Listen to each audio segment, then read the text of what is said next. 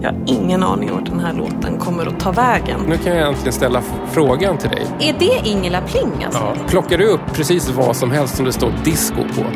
Kantareller i skogen är godare än de du har köpt. Det är så tvärstopp. Fan vad det ringer hemma hos Lill Louis. Jag har ju en förkärlek för gärna den här lite, ganska tacky disco.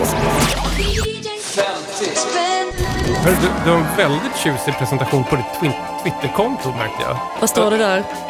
PhD focusing on digital image practices. Writer, editor, CD player, researcher at collecting social photo. Det är en sån här hashtag. Allting låter så mystiskt. Det, det, jag måste uppdatera den märker jag för att nu är det ju inte CD som gäller längre. Nu får jag vara tvungen att gå över till USB som alla andra. Men är det lite med protest? Det var absolut med protest Varför in i det sista. CD?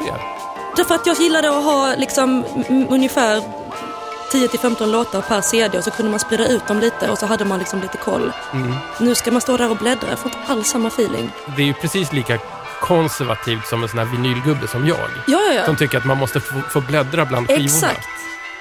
Lisa Elin, välkommen till min musikkompost. Hurra! Du, du har alltså fått uppdraget att gräva djupt och billigt efter vinyl. Fem stycken artefakter och grävbudgeten är max 50 spänn. Du har med dig skivorna. Jag har dem. Jag vill fylla i konturerna lite på dig. Mm. Före detta musikjournalist sa du innan. Mm, men det kan man väl säga. Ja. Jag skrev för en hel del olika eh, sajter, Throw Me Away, Rodeo, Just det.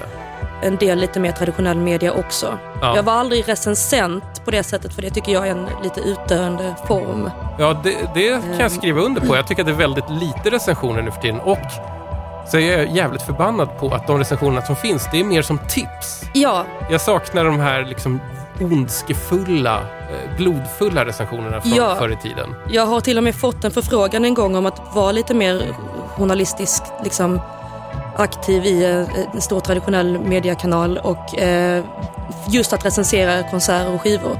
Och jag sa nej Mm. Ja. för att jag kände att det där är helt meningslöst men däremot så skulle jag kunna skriva liksom veckovis om en kontext kring en ny skiva. Varför den är intressant och Mm. Ja. vad vi kan titta på som händer runt om och så vidare. Mm. Men det var inte så intressant från deras sida. Så att det är ju det akademiska i mig som tar emot lite där kanske. Ja, ja men okej. Men- Men det akademiska i dig är att du är eh, doktor i modevetenskap, va? Ja, knuten till en forskarskola i kulturhistoria, så jag är väldigt tvärvetenskaplig Okej. kan man säga. Det här, alltså PhD focusing on digital image practices. Vad, vadå digital image practices? Vad är det egentligen? Selfies. Okej. Tjusigt ord för selfies. Ja men precis, det mesta som är liksom vis- det visuella, visuella liksom aspekten av internet och vardagsbilder, allting vi gör när vi skickar och rippar bilder och remixar bilder och Okej. skickar memes till varandra och liksom alla fulbilder, alla lågupplösta bilder, allt det där som är lite slarvigt tycker jag är superintressant. Okej, alltså så- så- liksom bildslasket. Eh, Precis, det som inte har så mycket ambitioner att vara konstnärligt eller Nej. vackert eller liksom professionellt. Ja. Är. Är, är du bra på selfies själv? Jag skulle inte säga att jag är bra på det men jag, jag är en, eh, en entusiastisk Okej. selfietagare. Ja. Men jag gillar ju hela idén om allting som handlar om underdog. Att liksom, det, är en, eh, det är idén om unga tjejer som tar selfies och det ser Ja. man ju oftast ner på. Därför är det intressant Mm. att titta på det och så. Normer och värderingar kring vilka bilder och vem som tar dem och vem som analyserar dem. Typ. Selfieforskare helt enkelt. Ja, det, det är helt okej om du kallar mig det. Jag, jag dummar ner det här så att alla hänger Japp. med. Det är väldigt viktigt. Men vet du vad? Jag, jag tänker på dig att du är en ganska digital musikkonsument. Mm, verkligen. Det här är ju liksom världens mossigaste programformat. Det handlar liksom bara om, om så här bortslängda, bortslumpade vinylskivor. Så jag tänk, tänker ibland att det, det är roligt att sätta de digitala människorna på att gräva och se vad som kommer fram där. Hur kändes det att Och- gå in i en äcklig, sunkig skivbörs och gräva bland de dyngigaste skivorna? det var inte helt lätt. Och också den grejen att, att eh, vad som jag också tänkte på, att jag, jag är ju själv ganska visuell annars.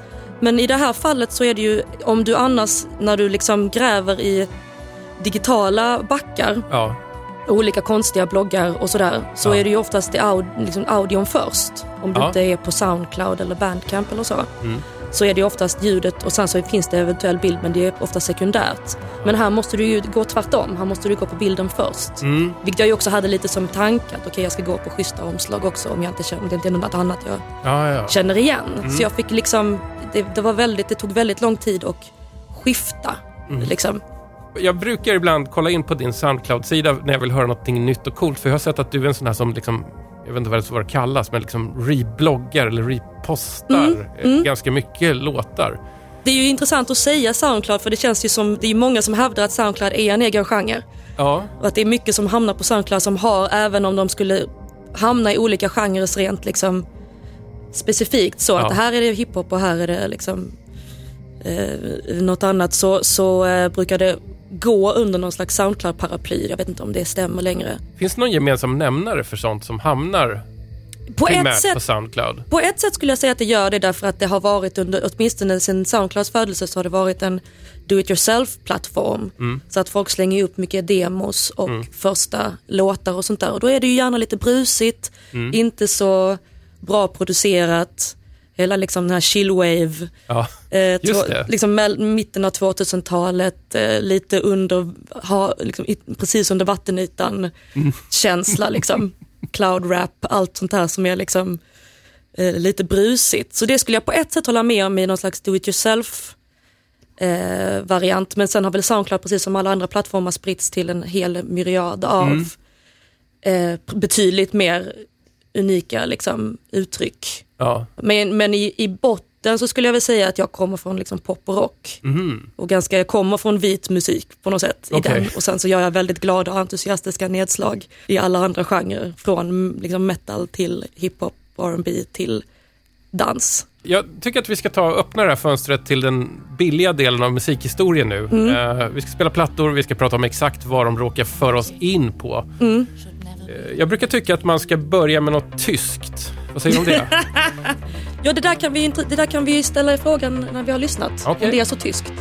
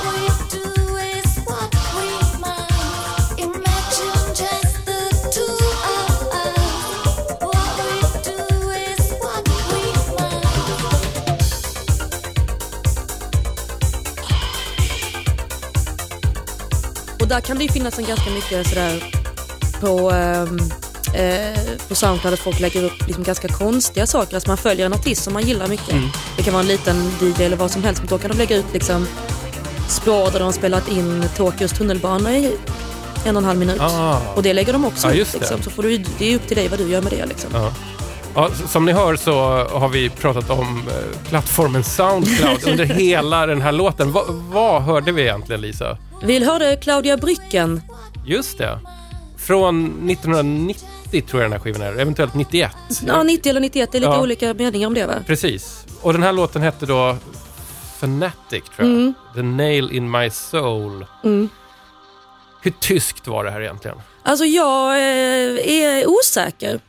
Vad det jag som tycker är så intressant med den här skivan och kanske framförallt med den här låten och även den låt som kommer efter är hur jag tycker den, eh, vi ska ju säga som bakgrund att hon var med i ett band som heter Propaganda Just det. och att hon flyttade relativt tidigt till London, att det verkar vara där hon har liksom passerats Just ganska det. länge även Ja. som soloartist.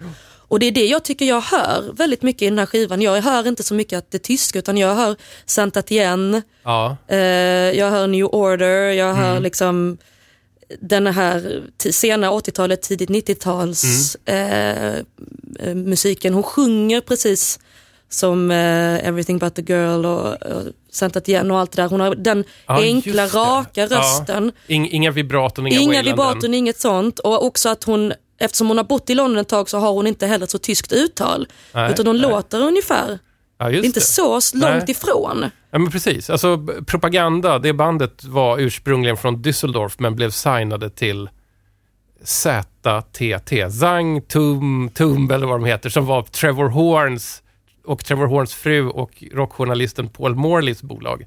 Mest kända för eh, Frankie Goes to Hollywood. Precis. Så musikerna i det bandet var tyska, Claudia Brücken är tysk, men, men produktionen liksom är väl ganska brittisk. Den här skivan nu, som vi lyssnade på nu, det är ett spår från Love and a million other things. Jag har lyssnat på hela, hela det albumet idag och jag tyckte att det lät väldigt, väldigt mycket Pet Shop Boys. också. Visst, visst gör det. Jag började fundera på om de hade liksom snott syntljuden från Pet Shop Boys eller något. Det är, det är som att det är ett hopkok av alla de banden man Ja. faktiskt lyssnade på under den tiden. Eh, jag som sagt har jättemycket Santat igen. Ja. Vad var det som fick dig liksom att plocka upp den här skivan då? Något ekade ju i det där namnet som jag kände igen, sen, har, sen är det ett jäkligt snyggt omslag. om vi ska beskriva det så det är Claudia Brücken som är, alltså hon är ganska hårt makead och så är det så här du vet 90-tals svartvitt foto. Så med väldigt muskliga överarmar Ja just så det. drar hon liksom bak håret så att det är liksom fokus på facet Ja, och så är det en, ett, en blå bakgrund. Det är lite nästan lite så här transfil, mm, synt, jag vet någon typ Ja. av estetik som överbryggar lite olika ja men är det inte så här mittemellan trans och någonting från skivbolaget 4AD eller något? Jo, så. Ja, fan gud vad vi namedroppar så här 90-talsgrejer här. Jag har missat den här helt. Och det är väl kanske lite konstigt för jag har andra skivor med Claudia Brücken och hon har varit med i ett band som heter ACT.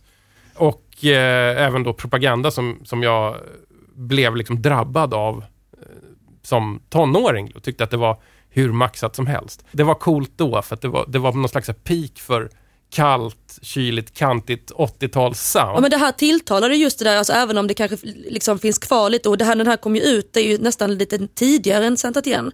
Så det finns ju någonting bevisligen om det är passerat i liksom England och London och den, och i sig- kanske i viss mån då Manchester också. Den, den är förankrad i den tiden och i det soundet och hur hon sjunger och hela uttrycket så ju till de strängarna i, min, i mina tidiga tonår. Liksom. Ja. Eh, Så att jag blev ju väldigt, liksom, det, det kändes inte negativt för mig att det lät som alla de andra banden, Nej. engelska banden. ja. Utan snarare att det var överraskande så otyskt för mig. Jag tror att det också, det är också att det, det slår an den idén om eh, melodibaserad, alltså om det finns mycket annat där jag idag lyssnar på kanske saker som är kanske mer rytmbaserade. Ja. Så slår det här ju an också det som var intressant med musik för mig i den åldern som oftast var mer melodidrivet. Okej. Min bror som är musiker har sagt vid något tillfälle att man oftast, åtminstone i formativa år, går på någon av de två. Alltså antingen är man rytmbaserad eller så är man melodi och harmonibaserad när man Jaha. går igång Ja. på musiken. Liksom. Tycker du att det stämmer? Eh, Jag skulle nog säga att det stämmer i mitt fall eftersom jag är så pass uppväxt med liksom, vit pop och rock. Jag funderar på om det finns någonting mer att säga här om Claudia Brückens skiva. Det är en lite så här konstig grej som jag inte riktigt hade koll på, som jag var tvungen att liksom, läsa in mig på. Och det är det här med hennes gamla band Propaganda och deras flytt till England.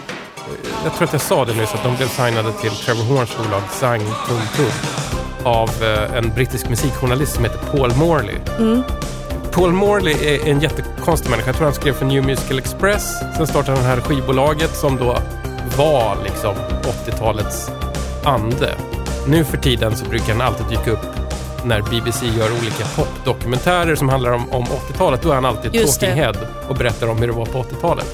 Men han gifte sig, sig med Claudia Brücker. Minsann. Och då blev han också någon slags Yoko Ono för bandet Propaganda. För Oh att no! deras äktenskap, deras förhållande skapade någon slags spänning i bandet som till slut liksom fick dem att splittras. Mm. Så det blev två Propaganda-LP och sen försvann de. De bara psh, upplöstes. Och inget, vad hände med resten av Jag, dem? jag tror att de drog tillbaka till Tyskland, till Ja. Düsseldorf. Ja. Jag tror att eh, den som liksom kanske var liksom den mest så här, pådrivande musikaliskt i propaganda är en gubbe som heter Ralf Dörper som spelade i ett betydligt hårdare syntband som heter Dick Krups. Jag tror att han satte igång Dick Krups igen efter det. Jag, gick tillbaka till någonting som han kände inte kunde förstöras av Paul Morley.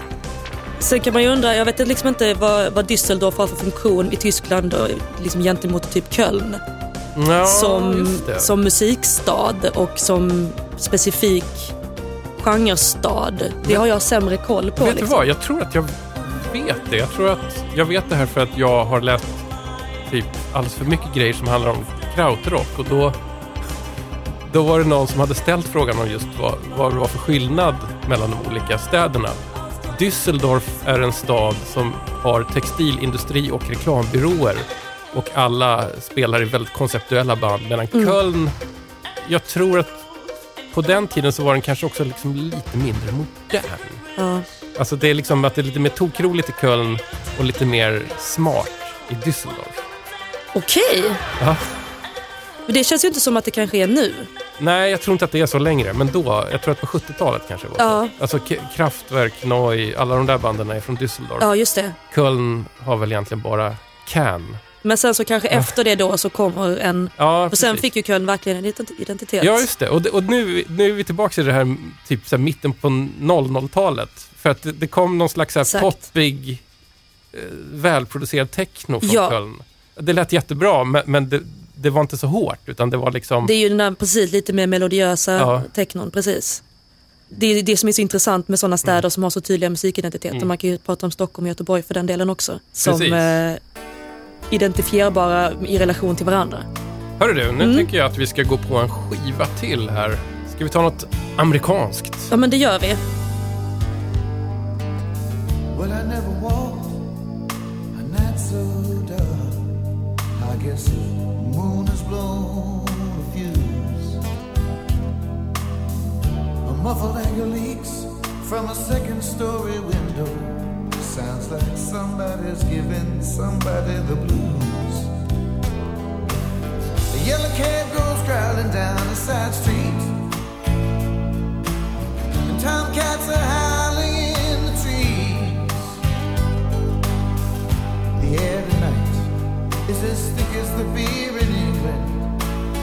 No one suspects a breeze. No. But it's not a question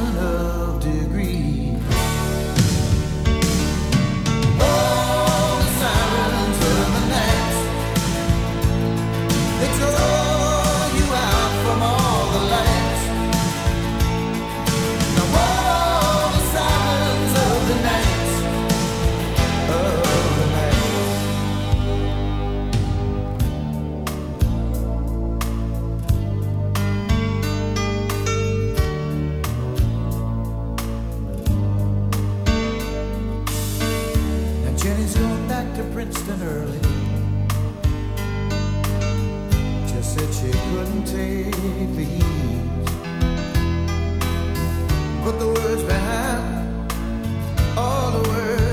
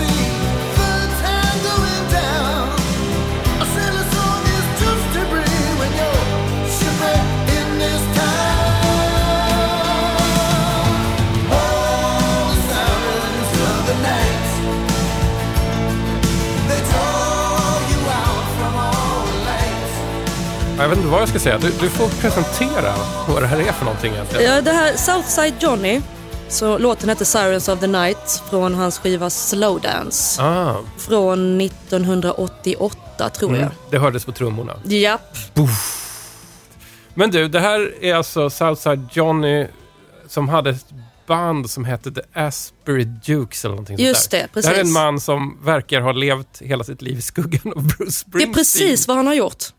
Jag undrar ibland hur det känns. Ja, det måste ju vara väldigt, väldigt märkligt. Eller att han, att han kanske inte har accepterat det. Att jag är nummer två i New Jersey. Exakt. Han skulle Jag tror kunna att ha det på t-shirten liksom.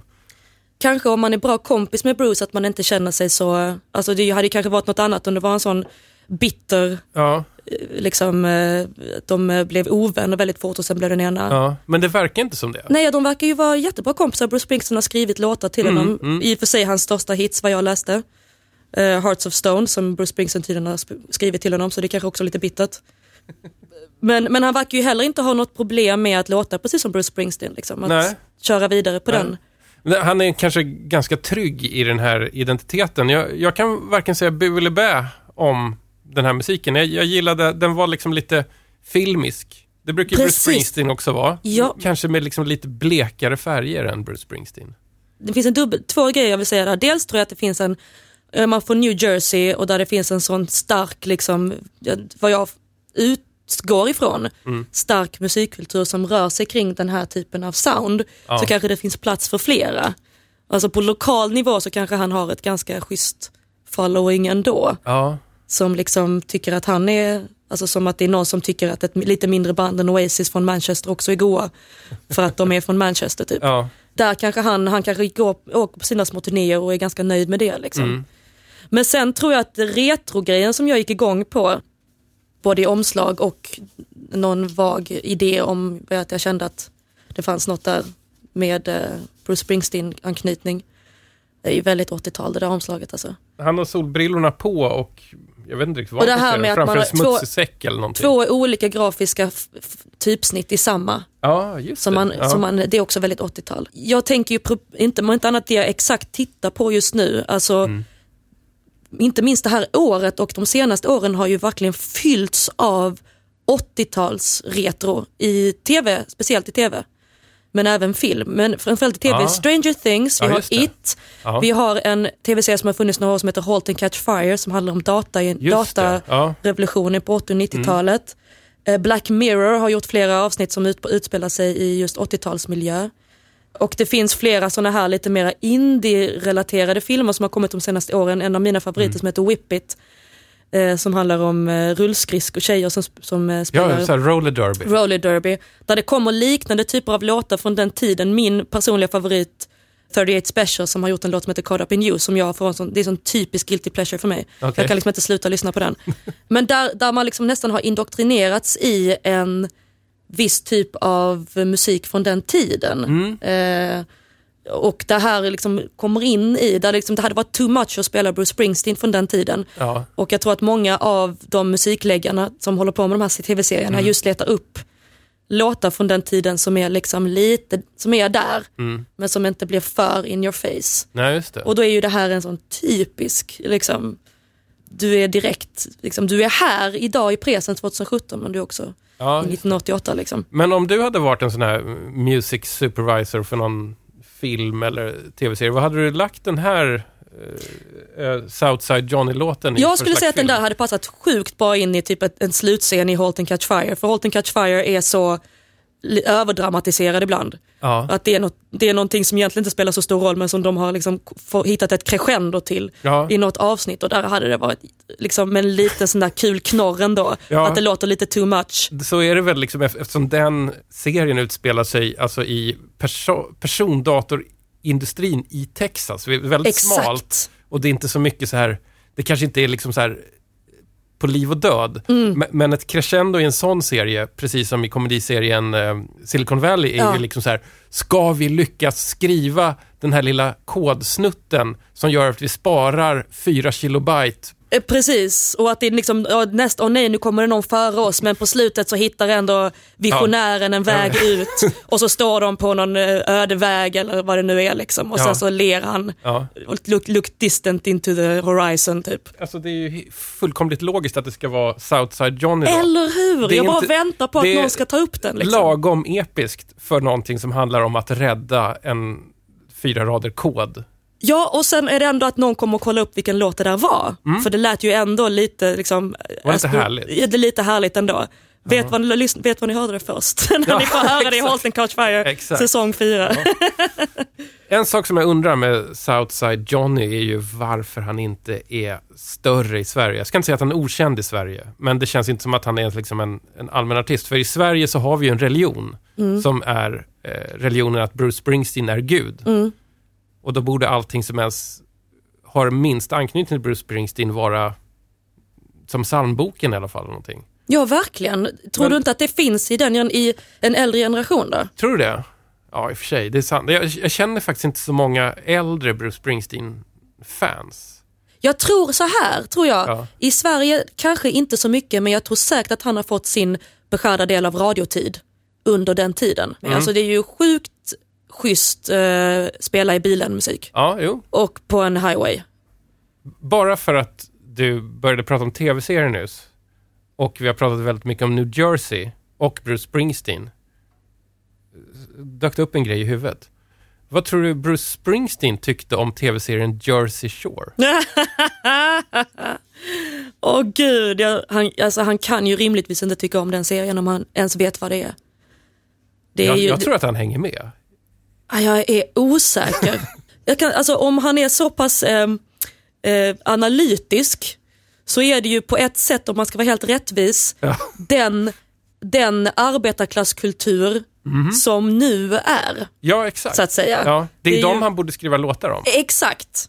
Snooki, eller vad fan de Eh, hette. Men, men samtidigt så är det ju en, en viss skillnad på den typen av den italienska New Jersey som man känner till. Liksom, är ju också en helt annan typ av grupp. Nu f- får jag hoppas att jag inte får säga mig eller säga någonting fel här. Va- Vadå? Att, Men att, att du skulle det- det- tram, det- alltså- trampa på några italienare-amerikaner? Ja, ja, eller att jag liksom låter hemskt på något sätt. Men Ja, jag, jag, okej. Jersey Shore har ju en tydlig italiensk identitet, alltså andra och sant. tredje generationens Ja. italienare. Och där Bruce Springsteen kommer från en helt annan, Ja, mer okej. traditionell arbetarklass, stålverks, ehm, Han är vit. Ja, men precis. Lite mer alltså, anglosaxisk. Ja, exakt, Ja. exakt. Så där finns det ju en viss skillnad i tradition också. Ja, ja, det, det var lite snillen spekulerar där. Det, så gott det Ja, gick. det var, förlåt, det bara tändes en liten ljusskylt i huvudet som stod Jersey Shore. Men däremot skulle jag snarare liksom vara intresserad av vad eh, den yngre generationen av den här typen av, alltså det bor ju, i mig bor ju en liten, liten bredbent vit heterosexuell man. Det är därför jag också tycker att det är gött med sån här musik. Det finns någonting i mig som går igång på det utan att jag egentligen är helt säker på att jag tycker om att jag gör det. Och därför så tycker jag ju också om band som uttrycker den här typen av feeling i nutid, alltså War on Drugs kanske är det absolut bästa exemplet på det.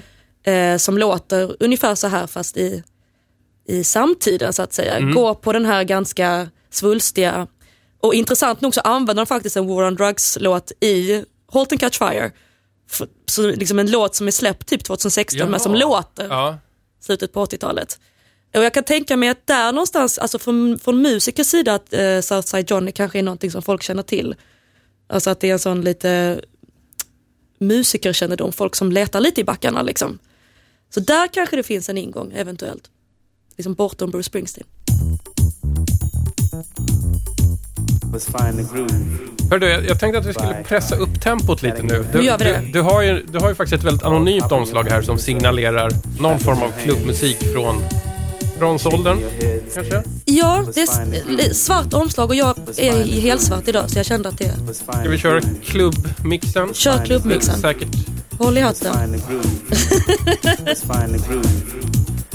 find the groove. Let's find the groove.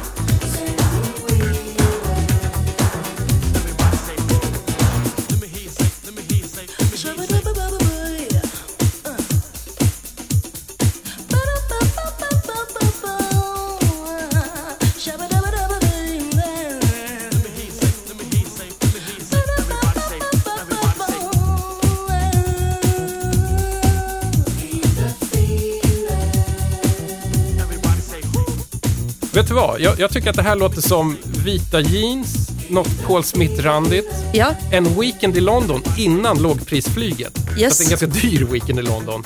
Kanske några stänk av den här eh, Fahrenheit herrparfymen innan den hade blivit liksom ett skämt. Innan en referens till här elaka skämt. japp. Jag håller med om allt det här. Ja. Sen, ja, ja, verkligen. Sen, sen finns det ju i den liksom ändå de här liksom ekorna av allt det man tycker är mysigt med liksom Ja. ett gött eh, housepiano. Ja. ja, Ehm. men precis. Det, och gillar man ett housepiano så ska man köpa den här. Den är ju alldeles för jazzig för min smak egentligen. Ja. Det som är intressant med många av alltså, den här typen av utgåvor, alltså så här, lite anonyma utgåvor från den här tiden, vad är det, tid- tidigt 90-tal, Ja. eh, är ju hur mycket bra dubb-versioner som kommer ut av dem. Ja, Den här finns en fantastisk dubb-version på Youtube. Mhm. Zuma Dub heter den, som är instrumental. Som är så sjukt bra. Ja. Så Men- att det, ja, Vet du vad, jag måste sticka in. Du har alltså hittat en tolva med en artist, eller ett band som heter Perception. Mm. Låten hette Feed the Feeling. Och den här är liksom helt anonym. Det är bara en svart etikett och så står pre-release, sida Mm. A och sådär. Men om man kollar upp den här på, på nätet så är det här från ett bolag som heter Talking Loud som var liksom Det var liksom acid, jazz, eh, soulig, Ja, ganska glad, struttig house. ja, Eh, och jag tror att den här är väl från 91 eller 92, ja, precis. när det verkligen lät så här. Tyvärr vet vi väldigt lite om Perception, det finns nästan inget att läsa Vi om vet dem. ingenting om Perception. Men om man ska vara liksom lite elak mot den här typen av musik så skulle jag nog säga att det här är art director-musik från den tiden. Eh, ja, därför att den går ju steget längre från den typen av housemusik som de flesta liksom, som älskar housemusik Ja, tycker om. Liksom. Ja. Den här är ju alldeles för glättig och o, eh, opersonlig och har egentligen ingenting med någonting att göra kan man Nej. tycka. Liksom. Nej men precis, så den är liksom lite så här lite lagom fashion, lite lagom lifestyle, lite lagom konstgalleri, liksom- lite, lite ja. lagom sportbil också. Något man hör kanske i, eh, i liksom, eh, en photoshoot Ja. i bakgrunden när, ja, där har eh, du det. När eh, Ja. modellerna sminkas. Ja. Eh, det kanske är lite så svartvitt, eh, skakig handkamera. Mm. Ja. Men du som är liksom lite visuellt orienterad och, och, och forskar i bilder, så här, vad känner du för ett så här helt anonymt omslag som det inte det jag säger kände, någonting? det här, något, det här måste, jag måste köpa någonting som är helt svart. Ja. Där det bara står perception, feed the feeling. Va, vad trodde du att det skulle vara? Jag kanske tänkte att det skulle vara eventuellt, jag tänkte nog att det skulle vara någonting lite houseigt men kanske att det skulle vara lite, lite Mm. hårdare eventuellt. Ja. Eh, att det inte var, skulle vara eh, fullt så glättigt. Det känns som att det inte finns så mycket glättig klubbmusik nu för tiden, eller dansmusik. Jag tycker att det är, så här, det är ett otroligt mörker och ett otroligt allvar. Jag skulle säga att det finns en, en glättig är ju, ett, ett, den har ju en värdering av någonting lite fult. Ja, när man säger det. Det är Ja. svå- svårt att säga glättig som någonting positivt. Men det finns ju definitivt ljus dansmusik. Och egentligen om man ska riktigt, nu kommer du få skit för det här, jag tar, Jaså, du får, du får ta, nej men Ja, om man ska vara riktigt sådär, även om det är tyngre rent BPM kanske, eller liksom tyngre Mm. rent produktionsmässigt så är ju mycket EDM där och nosar. Vad det gäller sig. attityd och vad det Sant. gäller är det- motsvarande ja. personer som kanske lyssnar på det. Jag vet du vad, jag har till och med svårt att se EDM som någon slags dansmusik eller klubbmusik. Jag tycker mer det känns som gym. Men, men kanske rakt nedstiga- nedstigande led Ja, jo men det sant. på något sätt. Så, sen är skillnaden kanske att det här var kanske ändå spelades på en klubb. EDM är ju arenarocken. Ja, Det är ju liksom det ska nutidens arenarock. Jag tror att glättigheten går fortfarande att hitta men då måste det låta lite annorlunda. Den här, just det här soundet Mm. är ju svårt och det är ju, man märker ju hur lite allergisk man blir för när det jassas loss för mycket. Mm. Eh, hur folk sjunger och sånt där, det, är man ju, det, det gör ju lite ont i en för att man är van vid ens egna preferenser som Mm, gärna är lite mörkare. Alltså jag menar när jag liksom gick på, på popklubbar Mhm. på tidigt 2000-tal, jag, jag kan liksom, det här låter ju helt sjukt när jag säger det, men jag menar lyssnade på The Charming Man med The Smiths så är, inte, så är den också på ett sätt glättig. Ja, ja, det, alltså Förstår själva, du vad jag menar? själva musiken, själva kompet är ju hur struttigt och glättigt som helst. Exakt. Det är light, sen att innehållet är tungt. Men, men det, där, ja, det där är jättesvårt, det är otroligt kontextberoende. Men om det är någonting som, vi absolut, som jag absolut inte kan hitta några i huvudet just nu, någonting jag kan relatera till i, sam, i liksom musik idag är ju just kanske jazz. Jazzgrejen. Mm. Ja. Det, Det- det, vet du vad, jag tror att Det skulle vara, det skulle vara mer traditionell och old school hiphop ja, som i så fall bygger in det, men då är det inte det här. då, då gör man ju det tungt, Ja, om inte annat. det glättiga ligger ju att, vi inte, att man inte hittar en, ett lager under. Ja, Det finns ju ingenting mer att det är en tjej som sjunger Feed the feeling. Det Nej. finns ju ingenting mer. det är lite härligt med musik som inte behöver vara någonting mer också. Om man tyckte att det här var för light får man väl leta upp eh, den här dub-remixen som du snackade Ja. om och kanske pitcha ner den lite. Så Ja, precis. kanske man får det där lite mindre glättiga. Absolut. Jag, jag tänker gå på nästa skiva här nu, för att den här... Vi kollar på en rysk, eller en sovjetisk skiva med någon slags bajsbrun, orange omslag. det verkar finnas ett spår här som vi tror kan ge oss en antites till glättighet. Det kan man väl ändå påstå.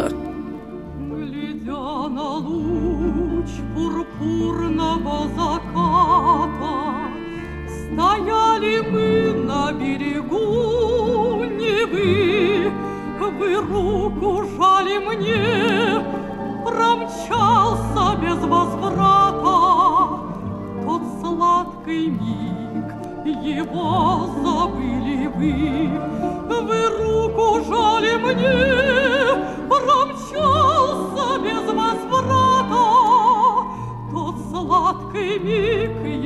забыли бы.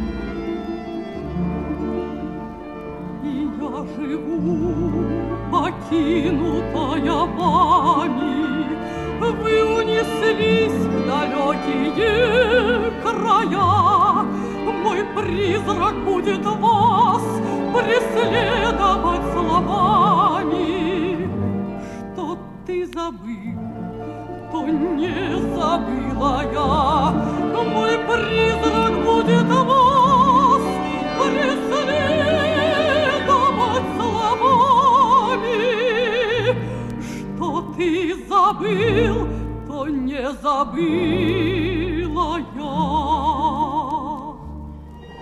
Nu måste vi prata om Galina Kareva. Ja, Eh, och den här låten har vi med hjälp av internet översatt titeln på. Den heter Glömt dig. ja. Det hörde man ju faktiskt, även om Det- man inte kan ryska. Hon, hon, var väl, hon ville väldigt gärna berätta att hon hade glömt. Ja. Från, Eh. f- från någon slags album som heter typ Ryska sånger och romanser. Yes. Sen är vi lite lost. Vi Ja. chansar på att det här kan vara 40-tal. Alltså det låter ganska gammalt, men å andra sidan, Men det är ju inte så, det är ju inte så knastrig nej. nej men inspelningen då tänkte jag, så att det känns Nej. inte som en... Nej. Det känns inte... Skivan verkar vara utgiven 1978, men det kan ju vara liksom en nyutgåva av någonting äldre. Ja, Det var lite knapphändig info för oss som inte läser ryska så bra. exakt. Det hade två grejer. Den ena var, när jag, när jag plockade den här skivan, den ena var, eh, det är någonting jag tänkte på och den andra var någonting som jag tänkte på efteråt och som var lite obehagligt. Var det det första då? var att jag tänkte att det skulle finnas någon sån här riktig, just att det skulle vara lite så här eh, miserabelt ryskt Mm, liksom. mm. Och att där, där i kan man ju finna riktigt liksom, eh, starka Ja. känslor. Liksom. Inte glida runt på, på någon photoshoot med en drink i näven och lyssna på en Talking Loud. Äh, här, här står du i pi- piskande regn på en åker och skriker ut att du har glömt din käresta. Så Ja. att din käresta ska höra det också helst. Man vill ju gärna tänka på allt som är ryskt på det sättet. Ja, Men li, lite grann får ryssarna sk- skylla sig själva för att jag har någon gång fått det förklarat för mig att ryssar sätter en viss stolthet i att de är bäst i världen på att lida. Mm. Alltså, det är väl kanske att- de och irländarna. Men det kanske finns likheter där i ett stolt lidande och att man Oh ja. kanske frodas lite i alltså ett, ett liv som är hårt. Liksom. Och då kan man också göra en, en Ja, då låtar också, som, som verkligen speglar det. Oh ja. Men den andra aspekten som var lite mer eh, hemsk måste jag säga, det är att när jag kommer hem så inser när jag tittar på bilden att det jag har tänkt på implicit i bakhuvudet i en film jag såg förra året Aha. om en amerikansk, alltså Meryl Streep-film om eh, Florence eh, Foster Jenkins Ja, som är den här eh, eh, societetsdamen i, kring sekelskiftet 1900 Mm. som eh, var helt övertygad, som älskade opera och som helt övertygad, övertygad om att hon kunde sjunga fast hon då sjöng fr- fruktansvärt Ja, dåligt. alltså, det var inte ens att hon sjöng dåligt, alltså, det är som att hon hade liksom den absoluta motsatsen till gehör. Ja. Varenda ton är helt fel. Ja. Och att det sjuka i mig var att nej, jag har tänkt på det här när jag köpte den här skivan. Ja. Liksom, att det enda jag kommer att höra är Ja. Florence Foster Jenkins. Ja. Men jag, jag tycker nog att eh, Galina Kareva, som verkar vara just operasångerska, Mm. faktiskt satte Det, Tonerna. tack och lov, men Mm. det, det, det finns en litet sånt eko i mitt huvud där jag ser henne framför mig. Liksom. Så det, blev, det var lite svårt att helt fokusera på Mm. eh, det, det, till misären, liksom, utan en tragikomisk underton. Ja, Jag hoppas att hon eh, ursäktar mig i himlen för det. ja men precis. alltså det ska man väl också säga generellt att jag tycker att mycket musik får gärna vara filmisk. Det uppskattar jag. Mm. Jag, ser, det tyck, det, jag tycker det är kul att se scener framför sig eller uppleva en, en, en sång till eh, liksom, bilder eller visuals i huvudet. Ja. Liksom. Och det här är också typiskt viss typ av genre men definitivt filmiskt.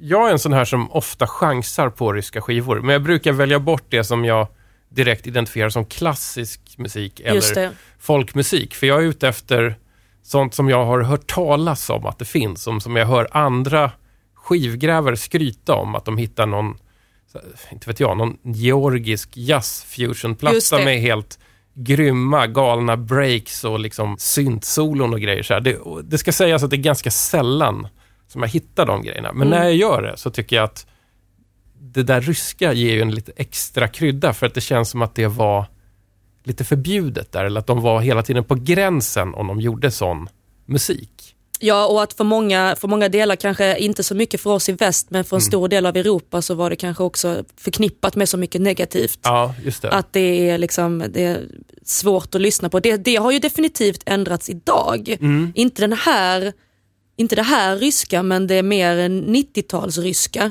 Ja, Alltså det. precis kring eh, Sovjetunionens fall är ju estetiskt det mest det coolaste du kan modemässigt och tror musikmässigt. Alltså det kom ju ut en massa nya artister från Ryssland Ja, som är liksom den, en ny typ av märklig techno-variant. ja. Det men, låter väldigt speciellt. men är det, är det coolt nu alltså? Ja, ja, absolut. Alltså, alltså det ska vara som att man, är, man gör så här, rysk eurodance runt 92. Typ. Fast liksom, det finns säkert touchar av liksom, att det är 2017 att man kan använda Ja, liksom, ja, andra typer ja. av syntar eller så vidare. Men det är den estetiken man vill åt och det ska vara mycket tracksuits och stora gympaskor. Det finns ett märke som heter Vetements som helt har gått in för att mer eller mindre sälja ut hela den looken. Alltså Wow. rysk, Ja, 90-tals eh, liksom, gympa, ja. sportjacka, jättestora gympaskor-looken. Och Rihanna har, alla stora artister har Vetements liksom. Wow, det här, är- det här är så snurrigt på något sätt. Eller fullkomligt logiskt också. Ja. Nu har inte jag, jag är så dålig på att namedroppa men eh, det finns en, en, åtminstone på ena handens fingrar en hel del sån, just Soundcloud Mm. som jag vet är från Ryssland som, som är liksom riktigt så up and coming Ja, på något sätt som folk börjar snacka om. ja. Eh, och att det är att man nästan vill leta, alltså om det hade funnits en digital back med ja. släpp från Ryssland så det är där man vill bläddra. Liksom. ja, just det.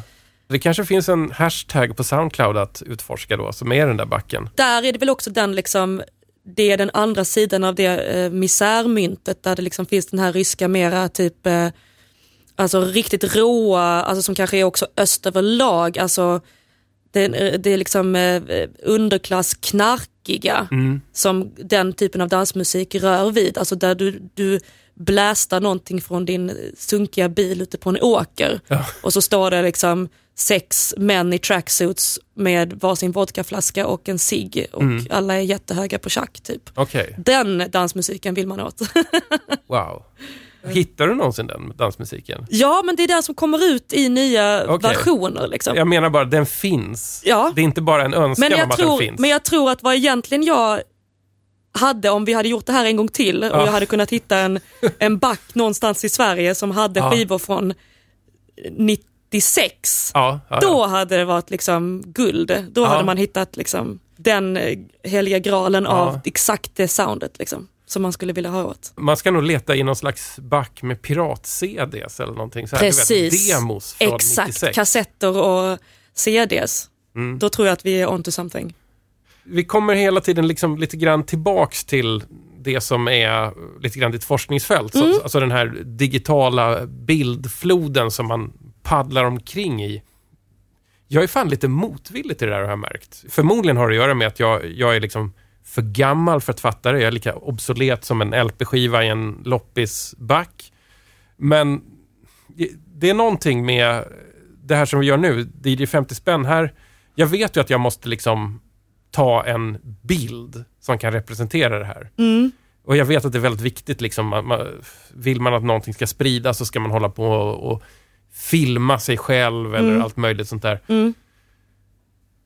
Men jag, jag vet inte, jag, jag tycker att det är så skönt med det bildlösa. eh, Om du förstår vad jag menar. Alltså, en, en tillvaro där man inte behöver representeras som en bild överhuvudtaget. Och lite grann så, så är det också att om, om man jobbar med ljudmedier, och det, det gör ju jag som liksom vanligt jobb också, Ja. så är det så att fan vad man märker av att man är i någon slags ständig motvind. Alla påstår nu för tiden att de älskar att lyssna på radio och de tycker att det är så härligt med det goda samtalet och de lyssnar Mm. på poddar. Och... Mm. Men det som folk reagerar på och tar upp och pratar, det är ju bara bilder. Mm. Snabba bilder som antingen är gulliga, sexiga eller upprörande. Mm. Jag skulle egentligen säga att det inte är att du gör för stor distinktion mellan bilden och ljudet eller bilden och Mhm. Andra typer av, alltså att för jag, vad, min, vad min poäng är väl lite att eh, bilderna är också det goda samtalet. Är de? Ja, det är det som är lite min eh, Ja, poäng. Okej. Eh, att det är så bilder används, att du, Mm. du, du kan vara någon annanstans i någon annans samtal samtidigt som du sitter i din egen soffa. Du är med andra samtidigt som du är Ja. ja, här fysiskt så att säga. Att bilderna vill bara, det handlar lika mycket om att överbrygga liksom, Ja. varandras verkligheter än att det ska vara att det är, det är ingenting som är mer eller mindre äkta. Mm. Det, men jag tror att bilderna ska se, mer ses som samtal än som Ja. eh, någonting som ska läggas för mycket värde i sig själva så att säga. Ja, just det. Men en sak som, jag vet inte om vi kanske bara snuddade vid det precis när vi började spela in här idag, var det är det här liksom Soundcloud-letandet. Mm. Där har du ju egentligen inte så mycket bilder. Man kan ju ladda upp någonting som ser ut som ett skiv- skivomslag eller en porträttbild på någon som har gjort så här. Men det du ser när du letar, det är ju bara en, alltså rent tekniskt, en representation av ljudet. Alltså Ja, det är ju den här vågformen. Verkligen. Och jag märkte en sak, att jag känner fan mig igen låtar på de där vågformerna nu. Då kan jag ju ställa frågan tillbaka, då blir Mm. det ju visuellt för dig. Det blir ju det, men det är så märkligt att, att det är ändå så här att även om det egentligen inte finns riktigt någon bild att ta på, det finns inget riktigt skivomslag, Ja. det finns inget stort, så är den där vågformen är så pass viktig. Jag kan skippa, jag kan hoppa över en låt bara för att jag tycker att, att vågformen ser tråkig ut. Där är ju jag kanske lite hemskare på det sättet när jag liksom digitalletar Ja. i mina digitalbackar. Att jag är mer liksom som, eh, som Spotify blir, liksom att jag lyssnar på intro och så kan jag trycka fram. Ja, du skippar, sen skippar du vidare. Och så vet jag inom, inom 15 sekunder om Ja. det här är någonting för mig. Och sen Mm. nästa spår, nästa spår, Ja, nästa spår. Där måste du ju, när det gäller vinyl, både dels att du har tittat på omslaget, Ja. det är en visuell upplevelse det första du ser. Efter det så måste du ändå gå igenom the trouble av att sätta skivan på spelaren, sätta nålen på liksom. Och då kommer, du, då kommer du lyssna en stund för att det har ändå varit Ja. så mycket bekymmer Ja. att sätta Ja, men, på eh, låten. I och för sig, 12-tummar är bra på det, för där är det så glest mellan spåren så man kan se ungefär vad som händer i musiken på spåren. Just det. Så det, så det är ju bra. Ja. Men på ett LP-spår, ja, det är inte lika, lika Sen, självklart. sen finns det ju på mycket Soundcloud så finns det ju ändå små bilder som man kan eh, om, om man är medveten och vill att någon ska få en idé Mm. Ja. innan de har satt på play så Ja, kan just man lyckas med det. Mm. Om det är väldigt, eh, ja det finns ju, kommer jag på nu, det finns ju faktiskt ganska glättig, glitchig eh, musik som eh, gärna får vara väldigt upppitchad. Den skulle jag säga finns, Mm. touchar en gl- glättighet. eh, och då brukar det vara gärna, eh, det kan finnas en eh, anime, Ja, ja. rosa, alltså den typen av som går på allting, Ja. typ japanskt. Det behöver inte låta japanskt så, men det, man går gärna till den estetiken och då kan man räkna ut hur det låter Mm. bara på bilden. Ja, eller liksom. Eh, Så det finns ju där, men det är ju helt beroende på avsändarens medvetenhet. Liksom. Jag vet inte riktigt var, var vi hamnade nu, men det, jag, jag var tvungen att få ur mig mitt, min frustration över det visuella. Jag tycker det överbryggar till det sista omslaget faktiskt. Som jag gick jättemycket på det visuella. Ja. Så jag tycker det var en snygg segway faktiskt. Det där var mitt bästa omslag av skivorna jag köpte. Jag hade bara sett den som en liten, liten sån här thumbnail Mm. på nätet, så jag såg inte detaljerna i det här. Vi ska prata om det alldeles strax. Yes. Lucy worked a different club every day. And though she put her mind to it, her heart was never in it. She stayed around just long enough to get paid. She won't pass the time with you. She can't stay. And all these changing faces never bothered her at all. They just existed like a backdrop or a pattern on the wall. Lucy looks like someone who is waiting for a call. She knows will come, but no one else can hear it all.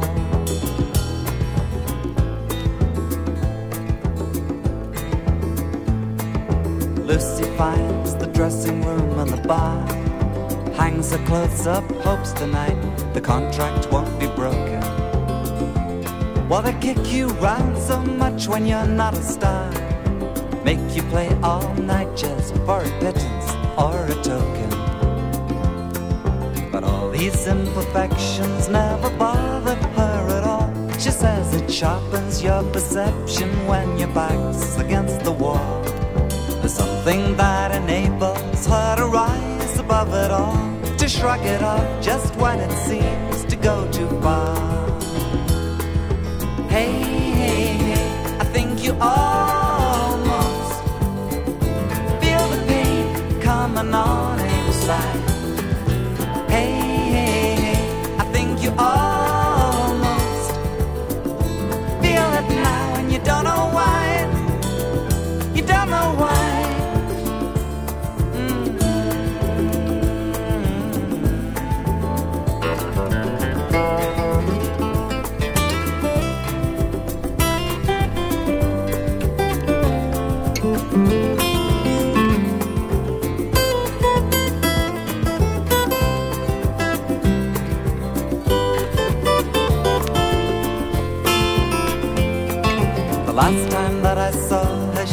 Given up the chase, moved away to California, got a suntan on her face.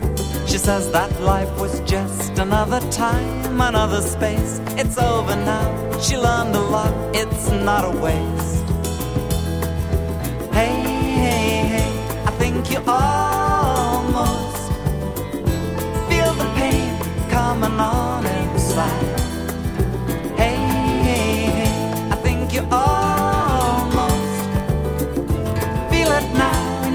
And you don't know why. Hey, hey, hey, I think you almost feel yourself reaching out inside.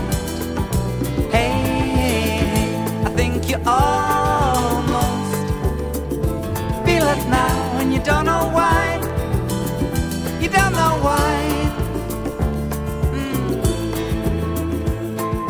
Al Stewart Ja, och en låt som heter eh, Almost Lucy. Mm. Från ett album som heter Time Passages. Det lite så här skjuter allt det här över huvudet på mig. och jag måste säga att jag är inte säker på att jag hade så bra koll på vem Al Stewart var när jag valde, det här, när jag valde den här skivan. Nej, Utan jag gick ju helt på omslaget. Ja. Som ju är ett episkt omslag. Det är faktiskt helt fantastiskt. För, försök förklara, alltså förklara vad som händer i den här bilden.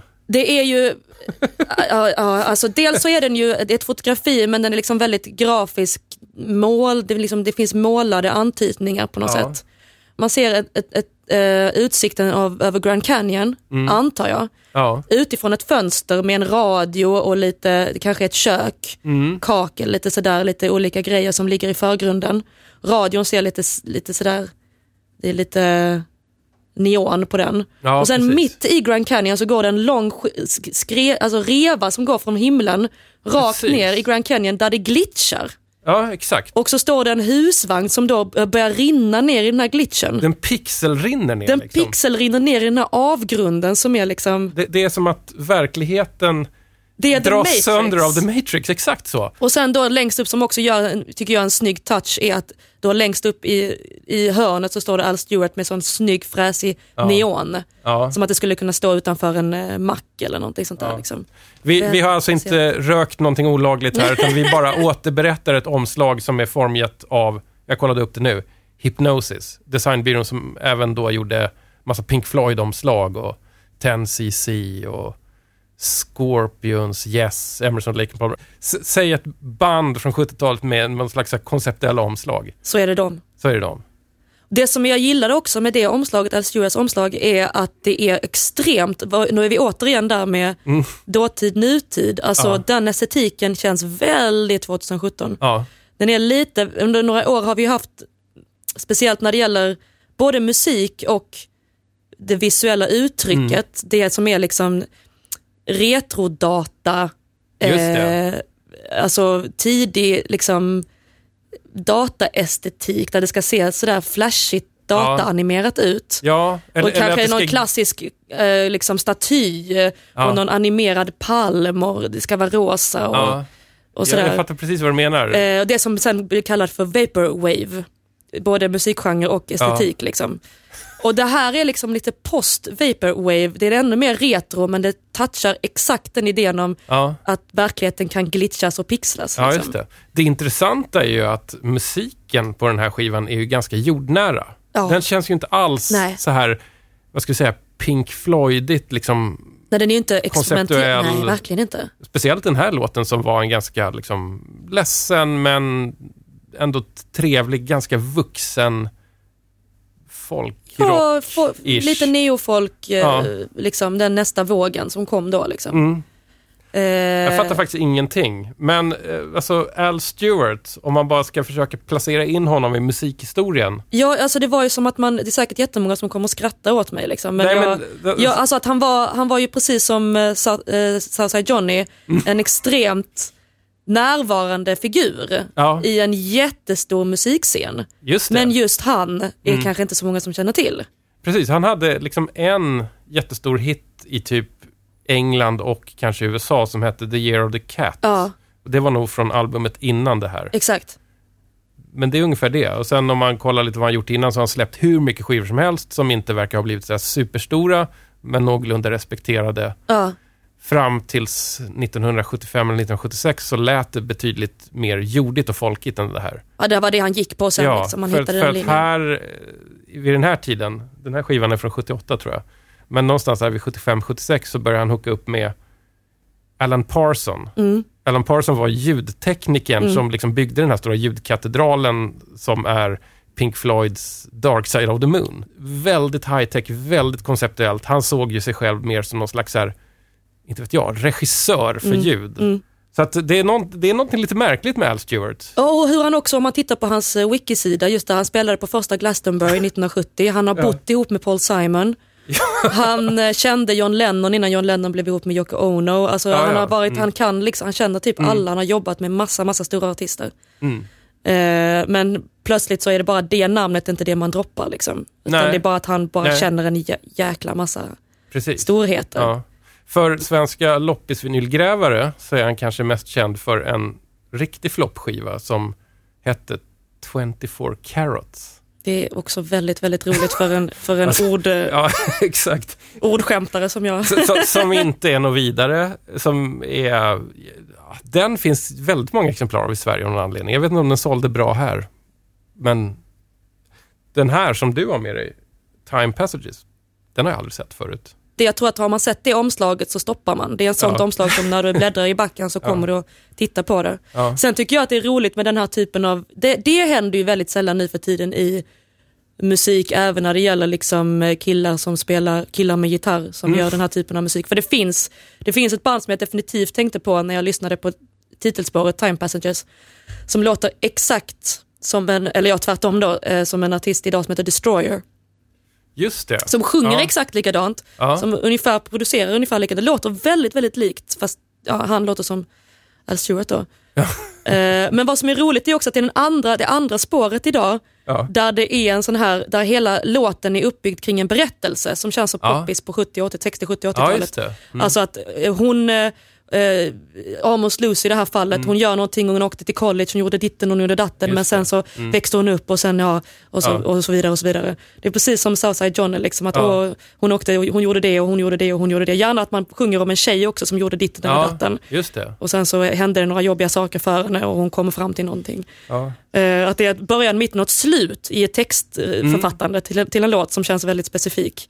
Men kanske var det lite grann någon slags ambition som fanns i musik där och då. Nu, nu valde jag ju inte, det finns ju ett par låtar från den här skivan som är just det här där det också är lite så cringe för mig. Där det drar åt det här när man ska ha historiska referen- Ja, ja. referenser. ja men du tänker, du tänker på den här låten som handlar om den franska revolutionen Ja. som har typ också världens Åh. mesigaste syntljud. Ja.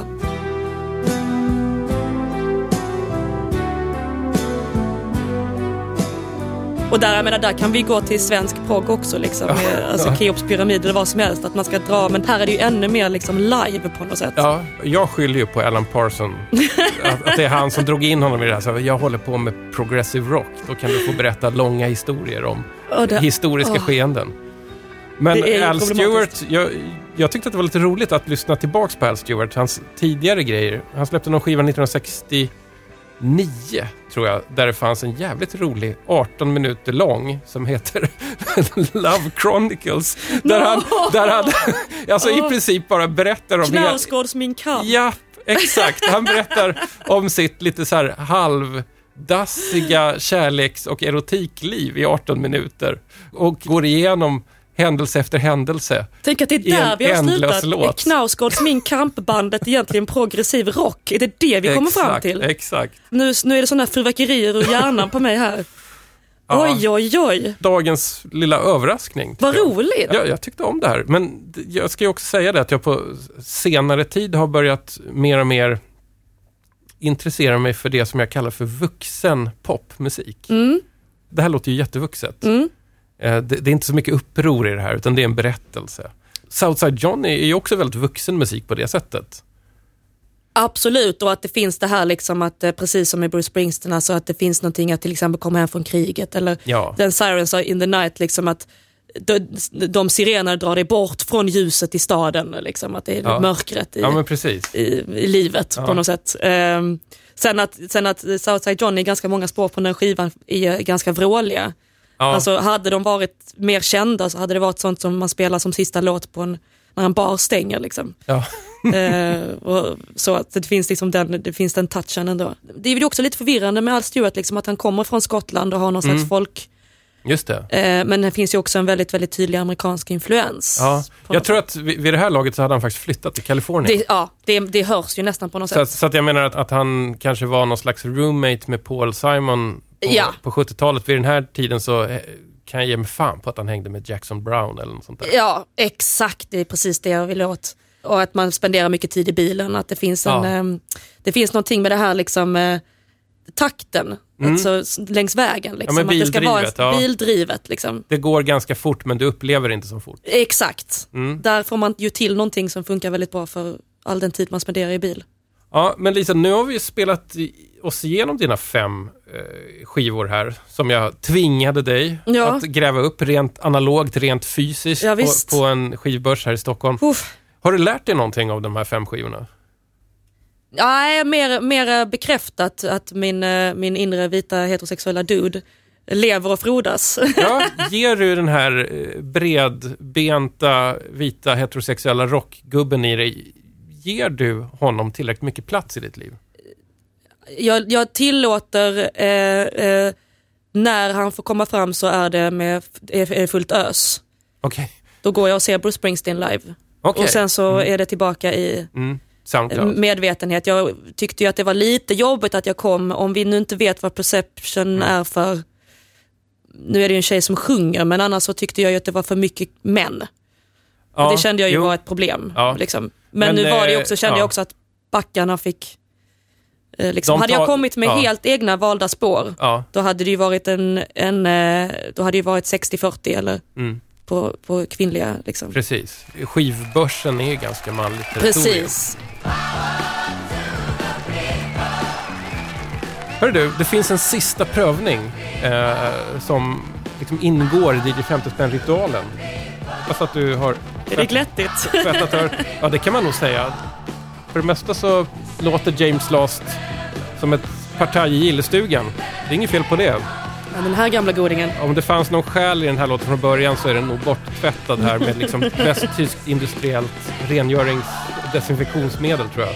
Jag skulle inte säga att det är så rajtan Nej. tajtan ändå. Det är första spåret på James Laws Super Party Pack-platta. Och det låter för jävligt men det är för att de har pressat in typ 20 spår per, Oj per sida. Så att, Men jag tror att när man eh, drar man in, eh, precis som med Southside Johnny igen, Ja. drar man in lite körer så blir det ju gärna lite mustigare. verkligen. Och lite, därför Ja. också lite gladare och mysigare.